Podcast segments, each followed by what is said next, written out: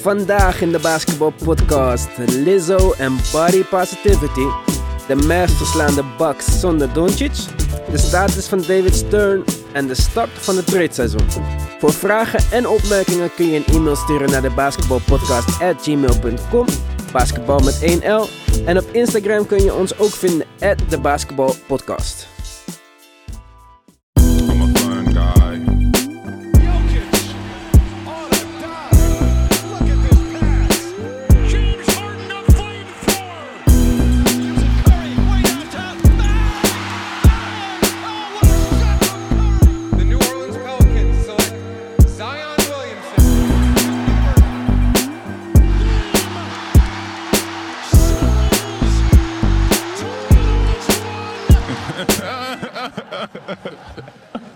Welkom allemaal bij weer een nieuwe aflevering van de Basketball Podcast. De laatste reguliere uitzending van dit jaar.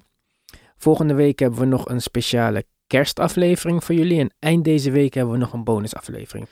Voor nu over naar de gang van zaken van de dag. Met mij vandaag is David. Yo, Deze keer met een hopelijk betere verbinding. Alle technologische wonderen waar wij gebruik van maken. ik hoop het ook man, ik hoop het ook.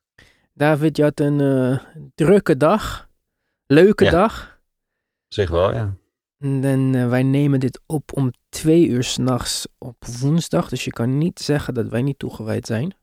Dedicated, dedicated. Ja, dat mag ik niet meer zeggen. Ik, ik, ik werk aan mijn ABN om beter Nederlands te klinken. Nederlands, oké, ja, wij zijn... eh, het is de NBA-ritme toch? Precies. David, eh, veel gebeurd weer. Wij hebben elkaar sowieso al even niet gesproken. Wat is je opgevallen deze week? Eh, nou, eh, pff, toch wel Lizzo, toch? Die bij de Lakers zat bij, tegen de Timberwolves. Als je die niet oei, oei. Ja, ik heb het gezien. Maar ik snap het niet. Want eh, ze- in eerste instantie zou ze geband worden door de Lakers. Die vonden die niet kunnen. Als je het niet hebt gezien, Google eventjes, Google Images, Lizzo, Lakers, Tong. Ze had dus een soort van Ja, groot, gewoon in blote reet eigenlijk. Gewoon, daar komt het op neer. ja, een groot t-shirt met een gat bij haar eh, kont. En eh, daaronder zat ze in een tong en toen ging ze, of een string, en toen ging ze twerken. Toen haar, haar eigen nummer gedraaid werd, toen ging ze los. Ja, en in eerste instantie eh, reageerde Lakers van ja, dat is niet echt toegestaan. En toen werd iedereen heel boos, want Lizzo, eh, ja, googelde maar even, is namelijk eh, wat ze in Amerika noemen body positive. En dat betekent dus dat zij haar, in dit geval haar overgewicht omarmt. En dat is dus heel goed, blijkbaar. Je moet gewoon zelfvertrouwen hebben, ook al ben je 50 kilo te dik. Maar ja, dat heet dan body positive. En ik ben zelf niet dun, hè, jongens en eh, meisjes eh, thuis. Dus het is niet alsof eh, ik dit niet mag zeggen of zo.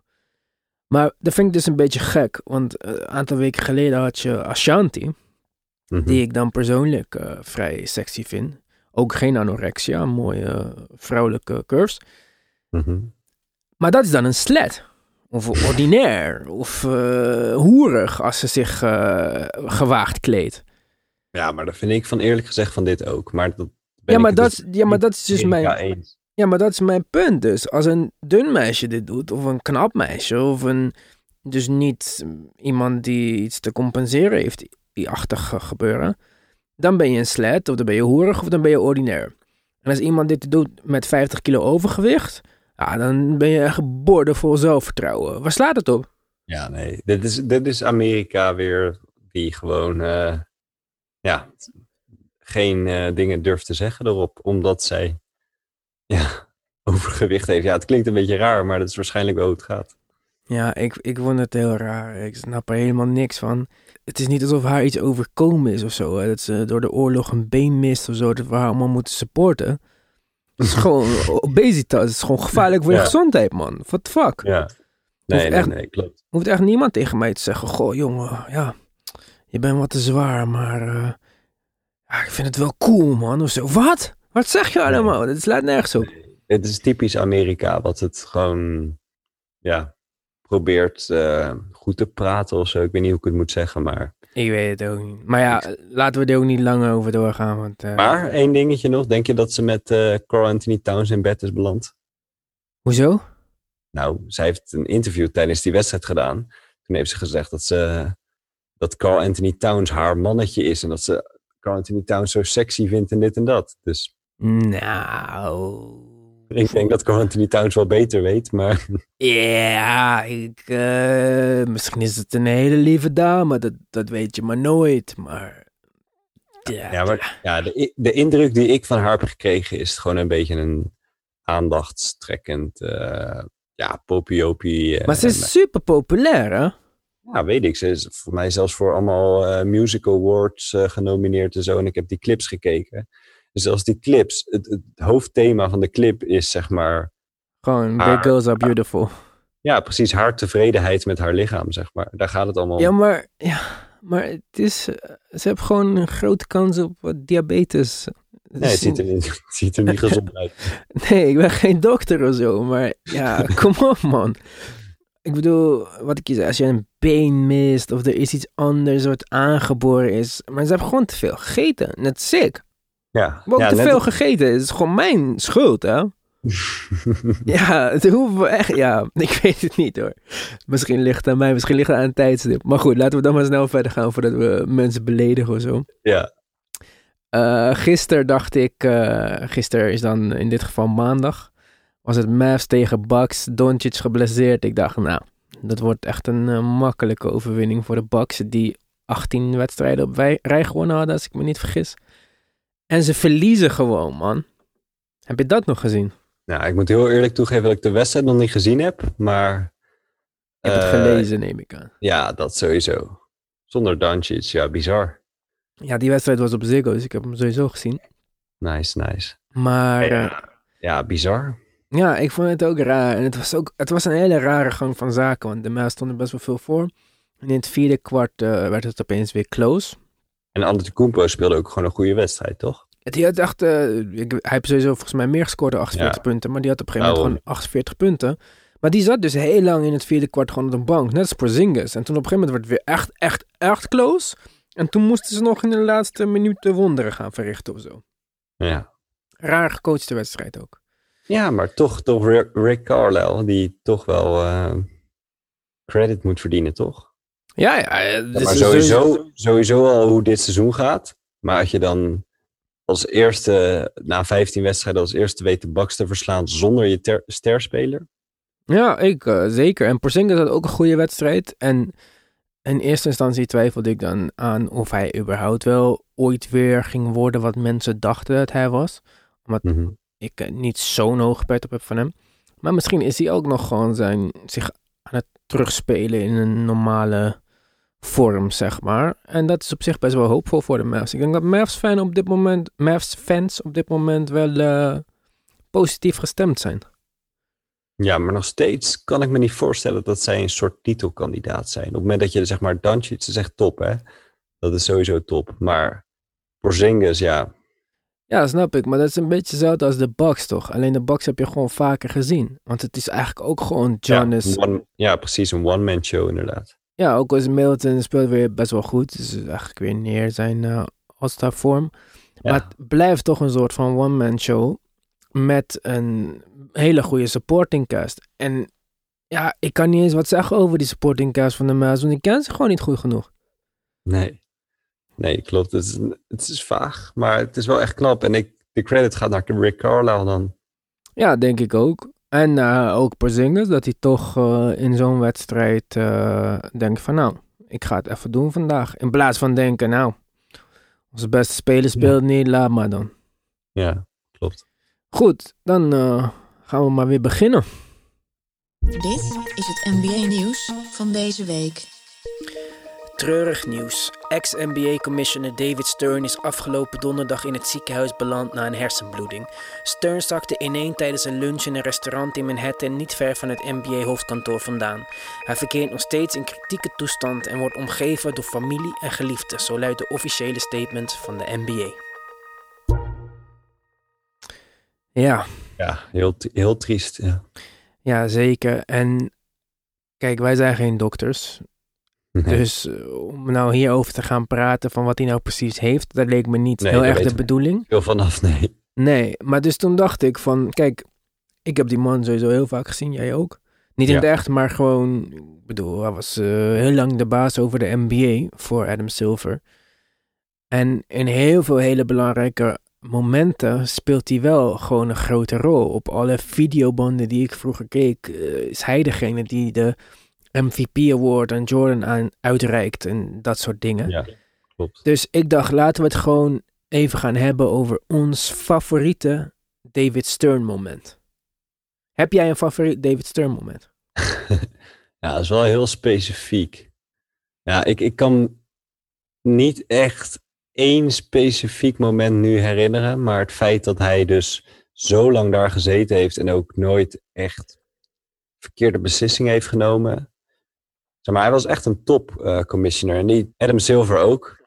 Maar eh, ja, ja, ik weet niet. De, de uitstraling. Ja, Adam Silver lijkt gewoon een beetje een rare gast eigenlijk. En, en, Een en figuur uit Star Trek of zo. Ja, of, ja, precies zoiets. En David Stern was ook heel klein. Een klein mannetje eigenlijk. Maar toch, Ja, al die drafts die ik gezien heb, weet je wel. Hij was ja altijd dat wel... bedoel ik, zeg maar. Al die momenten, daar was hij. Ja.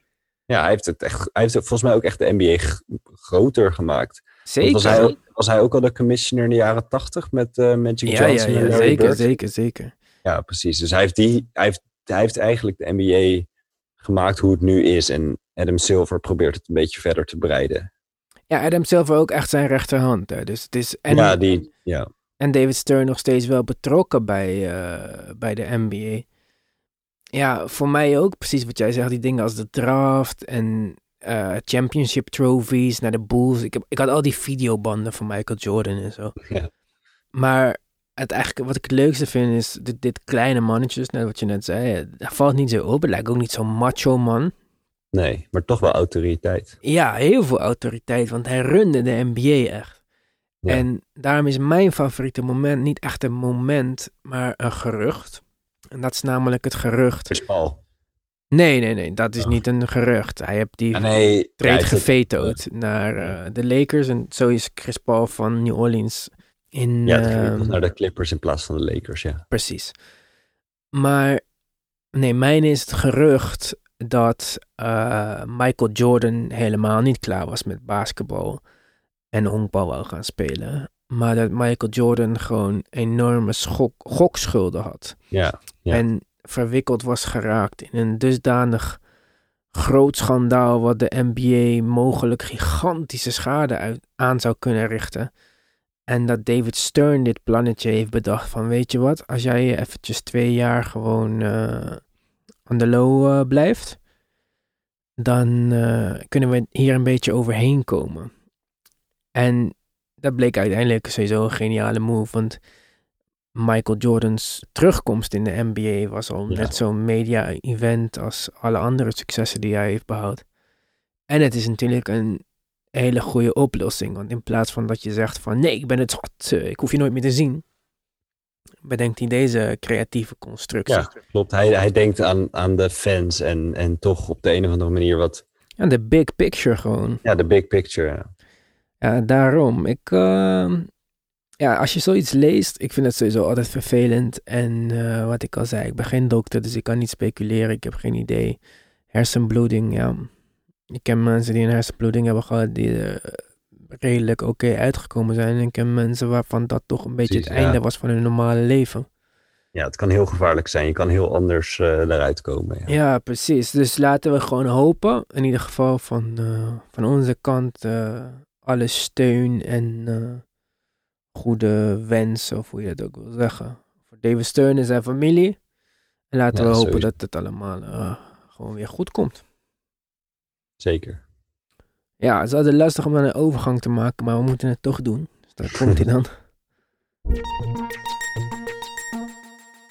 15 december was de officieuze start van het tradeseizoen in de NBA. Daadwerkelijke trades blijven tot nu toe echter uit. Kevin Love zou zich op de tradeblock bevinden. De Warriors zouden juist niet luisteren naar trade-offers voor D'Angelo Russell. En de Pelicans zouden weer wel bereid zijn om Drew Holiday te traden. Er wordt gespeculeerd over wat de Spurs gaan doen en of de Lakers en Clippers zich nog kunnen versterken. Maar voorlopig blijft het stilte voor de storm op de trademarkt. Ja, David, wij wouden deze podcast eigenlijk zondag opnemen. En, eh, ik zei, ja, laten we dat maar niet doen, want voordat je het weet zitten we weer overal naast. Dat we ook bij eh, de contract eh, extension deadline. We hadden het prima kunnen doen. We hadden het echt met gemak kunnen doen, want er is dus nog helemaal niks gebeurd. De laatste trade volgens mij in de hele NBA was die van Russell Westbrook en Chris Paul. Ja, precies. Van Westbrook. En dat is echt al een tijd terug. Dus ja, in plaats van dat we dus de trades gaan bespreken die al zijn gebeurd, eh, gaan we maar hebben over de trades die wij vinden dat er moeten gebeuren. Want er leken mij toch een hoop voor de hand liggende kandidaten.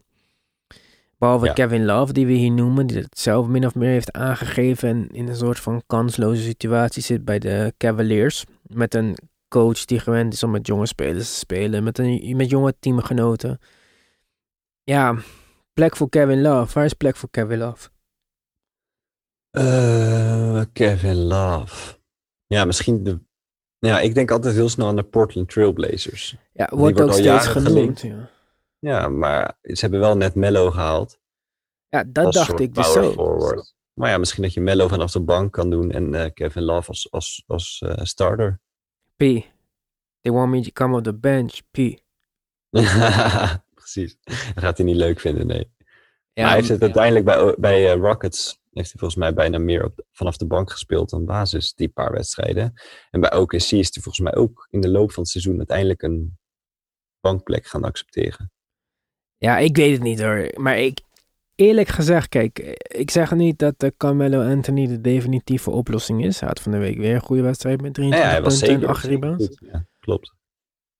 Maar, en ik weet dus ook niet in hoeverre Kevin Love echt zijn best doet op dit moment. Maar op dit moment is Carmelo Anthony beter dan Kevin Love. Ja, klopt. En de laatste twee, drie weken wel, ja. Ja, in alles wat, wat ze doen. En om voor Kevin Love te treden, moet je dus eh, Hassan Whiteside opgeven. Want het is een mooi groot aflopend contract. En een paar draft picks, of één draft pick of twee, ik weet niet. Maar dat, die draft picks zijn niet echt een big issue, want Portland wil ten alle tijde contenden. En ze hebben nog al hun draft picks. Dat aflopende contract past heel mooi voor Cleveland. Maar dan geef je dus echt de laatste center op die je hebt. Ja, ik, ik zou dat sowieso niet op Kevin Love doen als ik een general manager zou zijn. Ja, en Kevin Love heeft dus ook een contract nog voor drie jaar. Dus je bent sowieso uit de Giannis sweepstakes voor 2021. Ja. En ja, dan, dan gok je wel heel erg op dit. En het is niet eens met Carmelo Anthony rekening gehouden. Want dan denk je dus eigenlijk al na over volgend jaar als Nurkic weer fit is. En dan heb je een soort van 31, 32-jarige Kevin Love met Damian Lillard, CJ McCollum en Nurkic. Ja, Ja, het is gokken op Kevin Love, dat is wel iets gevaarlijks.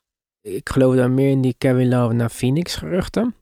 Of naar Atlanta. Dat zijn, Ja, dat, jonge, zou, dat zou ik wel vet vinden, ja. ja, dat zijn jonge teams. Die hebben veel spelers in hun rookie contracten. Dan is in ieder geval zijn contract geen probleem. Maar het, het is lastig, man. Al die grote contracten en de regels in de NBA. Dat de salaries een soort van moeten matchen. In ieder geval voor 75%. ja. Dat maakte bijvoorbeeld bijna voor Chris Paul. Die we allemaal dachten dat niet voor OKC eens zou gaan spelen aan het begin van dit jaar. Mhm. Vrijwel onmogelijk om hem te treden. Want die jongen Ja, dat zo'n groot contract heeft, ja. Ja, dit kan je gewoon bijna niet matchen. Nee. Eh, Bijvoorbeeld Aaron Gordon of zo, zoiets bij de Trailblazers. ja, Aaron Gordon heeft sowieso een heel goed contract. Want die verdient nu 20 miljoen of zo en het loopt nog af zelfs. Maar ja, ik weet dat jij ook een eh, voorstander bent van een laten we Aaron Gordon op een eh, normaal team laten spelen idee. Ja, want ik, ik kijk altijd best wel veel naar de Magic. Want, zeg maar, mijn liefde voor de Orlando Magic is ontstaan met Penny Tracy. McGrady en Oh. daarna Dwight Howard. Ja, Shaq en Penny was ik nog wel heel jong. Maar toen met Tracy McGrady en later dus dat team met Howard toen ze de finals hadden gehaald. En ik vind gewoon Rashard Lewis en zo. Ja, en, en Turkoglu en eh Jameer Nelson, dat team, zeg maar. Ja, ja, ja. En, en dat, vond ik, dat vond ik vet. En sindsdien root ik eigenlijk voor de Magic en, niks. Moet je nagaan wat voor afgelopen tien jaar ik gehad heb. Ja, verschrikkelijk. Ja. Dus zeg maar, Aaron Gordon is echt een hele leuke speler. En hij is echt goed. Hij kan schieten, hij, kan, hij is atletisch, eh, best prima. Goed maar hij contract. past- goed, ja. Maar hij past gewoon niet in dat systeem. Maar op het moment dat hij dus ergens anders zou spelen, kan je ineens heel wat anders eruit krijgen. En daar ben ik wel benieuwd naar. Want ja, bij de Magic werkt het blijkbaar niet. En ik zou het wel leuk vinden als hij dus naar een team als Portland gaat, waar hij een soort derde, derde man is. En dan kan hij misschien meer van waarde zijn dan wat hij de afgelopen jaren bij de Magic heeft laten zien. Ja, of Aaron Gordon naar de Spurs voor de Rosen of zo. Ja, maar bij de Spurs, ja, sorry. Ik vind, zolang Popovic daar ziet, zal het nooit echt een atletisch team worden. Weet je, Ja, maar de met, die, met de Murray perfecte. Ja, Murray, dat, dat is de een. Ja, die is, en die is ook- Walker en dan Aaron Gordon. Denk jij dat dat soort spelers onder Popovic kunnen shinen? Dat soort atletische gasten.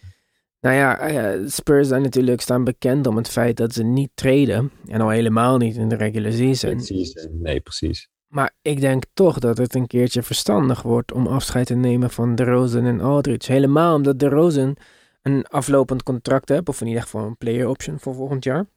Mhm. En de Rosen voor eh, Aaron Gordon dan? Ja, dat zei ik. Dat, dat zou ik echt super leuk Dus vinden. Aaron Gordon bij de Spurs en de Rosen bij de Magic. Ja, de Magic zou ook geïnteresseerd zijn in de Rosen. Afgaande op vorig seizoen. Die denken dat ze dan een soort van balhandler. eh, Ja, maar het zou op zich voor, voor beide teams zou het, ja, de Spurs moeten dan wel iets meer terugkrijgen. Maar als je Aaron Gordon Vind je? Ik zou fucking blij En- zijn, man. omdat hij jonger is, bedoel je? Ja, Aaron Gordon, dat is gewoon een jonge speler. Hij is redelijk fit. De Rosen, Rosen is, weet ik veel, vijf keer All-Star. Dat is gewoon een, Ja, je treedt tussen in principe dan... een topspeler. En, en, en Aaron Gordon is dat net niet. Dus Nee, je treedt Kawhi voor eh, Aaron Gordon. oei, oei, oei. Ja, maar ja, ik denk niet dat er veel andere teams zijn die denken van, hé, hey, doe mij die de Rosen maar. nee, nee, snap ik ook wel. En hij heeft een groot contract. Kijk, bijvoorbeeld, stel je eens voor zelfs dat de Knicks zouden zeggen, ja, fuck it, we gaan toch nergens heen. Laten we dan een ster hebben. Dan krijgen al die mensen en vooral toeristen die kaartjes kopen om hier naar een basketbalwedstrijd te kijken nog wat te zien. Want de Rosen, Ja. ik vind het een, een mooie speler om naar te kijken. Ja, klopt.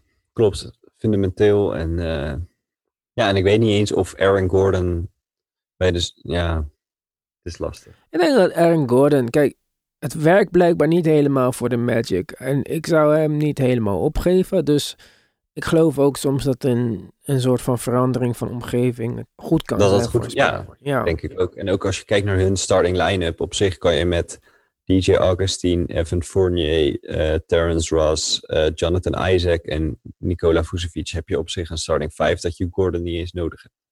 Ja, precies. Ja, daarom. Ik denk dat het makkelijk kan. En denk dat Jonathan Isaac is echt goed hoor, de laatste tijd. Isaac is goed. Fultz heeft potentie. Fournier Ja. free agent. Misschien moeten ze ook kijken of ze die kunnen treden voordat ze die kwijtraken voor Daar kan je gratis. ook nog wel wat voor terugkrijgen, denk ik hoor. Ja, D'Angelo Russell, Warriors, ze zeggen dat ze geen zin hebben om eh, hem nu te treden. Snap ik ook wel, want ja, voor wat zouden hun hem nu treden? Alle offers die er nu zijn, zijn er van de zomer ook nog hoor. En helemaal als er niet Ja. zoveel free agents zijn. Ja. Maar ja, Timberwolves waren, voor, waren eigenlijk altijd al geïnteresseerd. Klopt, dat zou ik ook wel leuk vinden. Ja, en ik snap van de Timberwolves dat ze dat zeg maar nu willen doen en niet eh, willen wachten. Vanaf, ja. Ja, want ik zat zo een beetje te kijken met die trade machine. En als je dan een trade maakt voor D'Angelo Russell. En ja, dan moet je toch wat opgeven natuurlijk. Nou goed, eh picks, eh, Jared Culver erin. Joshua, Joshua of hoe heet hij? Ja, zou kunnen. Jeff Teague dan om salary te vullen. Gorgie Deng of zo. Nee, die moeten we even bewaren, want daar heb ik een ander idee voor. Oh.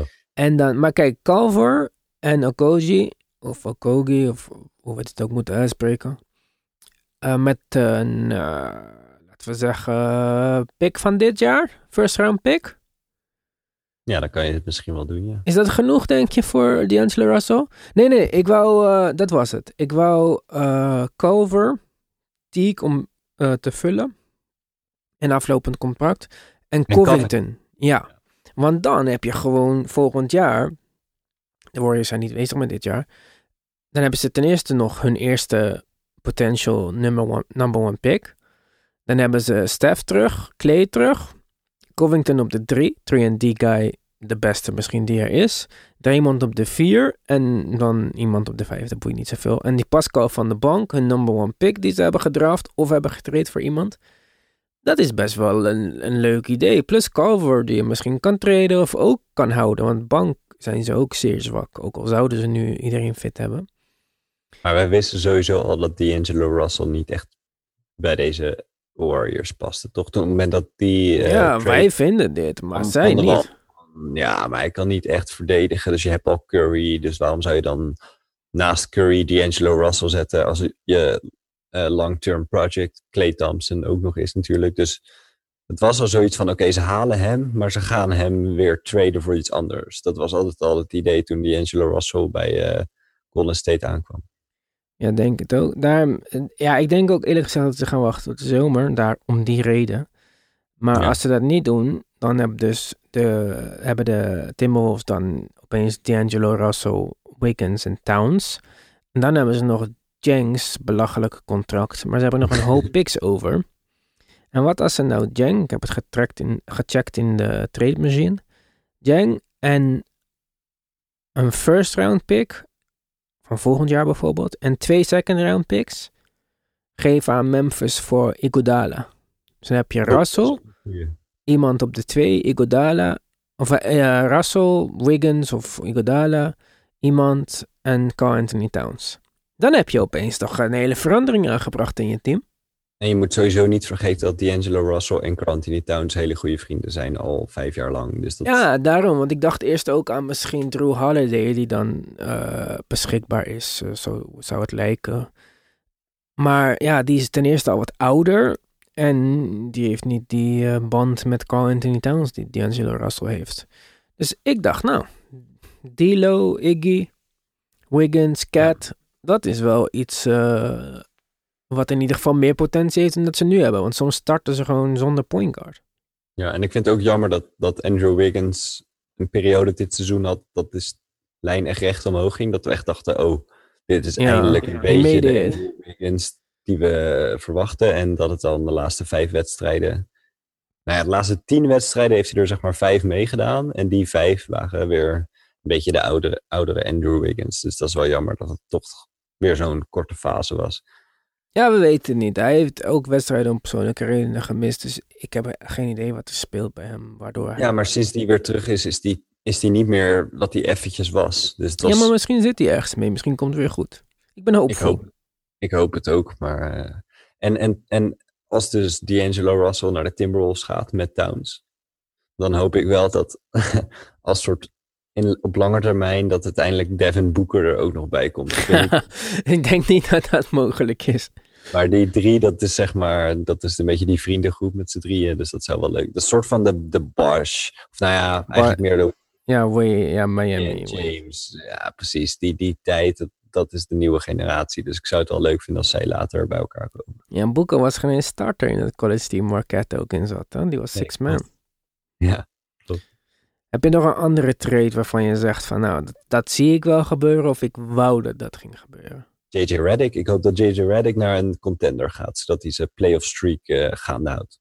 Ja, maar wie gaat voor hem traden dan? Twee jaar 13 miljoen per jaar? Dat is ja, lastig. eh, hij lastig hoeft, hij hoeft geen, echt een contender te zijn. Ook al gaat hij desnoods naar de Timberwolves en worden zij achtste. Dan Als houdt hij maar naar de playoff playoffs streak alive. ja, precies. Acht, achtste is prima voor hem. Ja, ik weet het niet, man. Ik weet niet waar hij naartoe kan. Zijn weet- ik contract het is, het is niet super moeilijk om eraan te komen. Nee, het is gewoon kort. Ja, heel veel betalen op korte termijn, maar dan ben je daarna weer van hem af. Ja, maar hij is nooit beter Phoenix, geweest. eh, zoiets, ja. Ja, maar Phoenix heeft dat in principe in Devin Booker en Cam Johnson shooters. Dat is de hele reden. Dat Ja, maar je kan JJ Redick wel, het is echt op, zeg maar ultiem vanaf de bank, toch? Ja, ik weet niet of de Sixers hem eh, terug kan halen, maar dat zou hem wel kunnen gebruiken. Dat zou ik niet leuk vinden.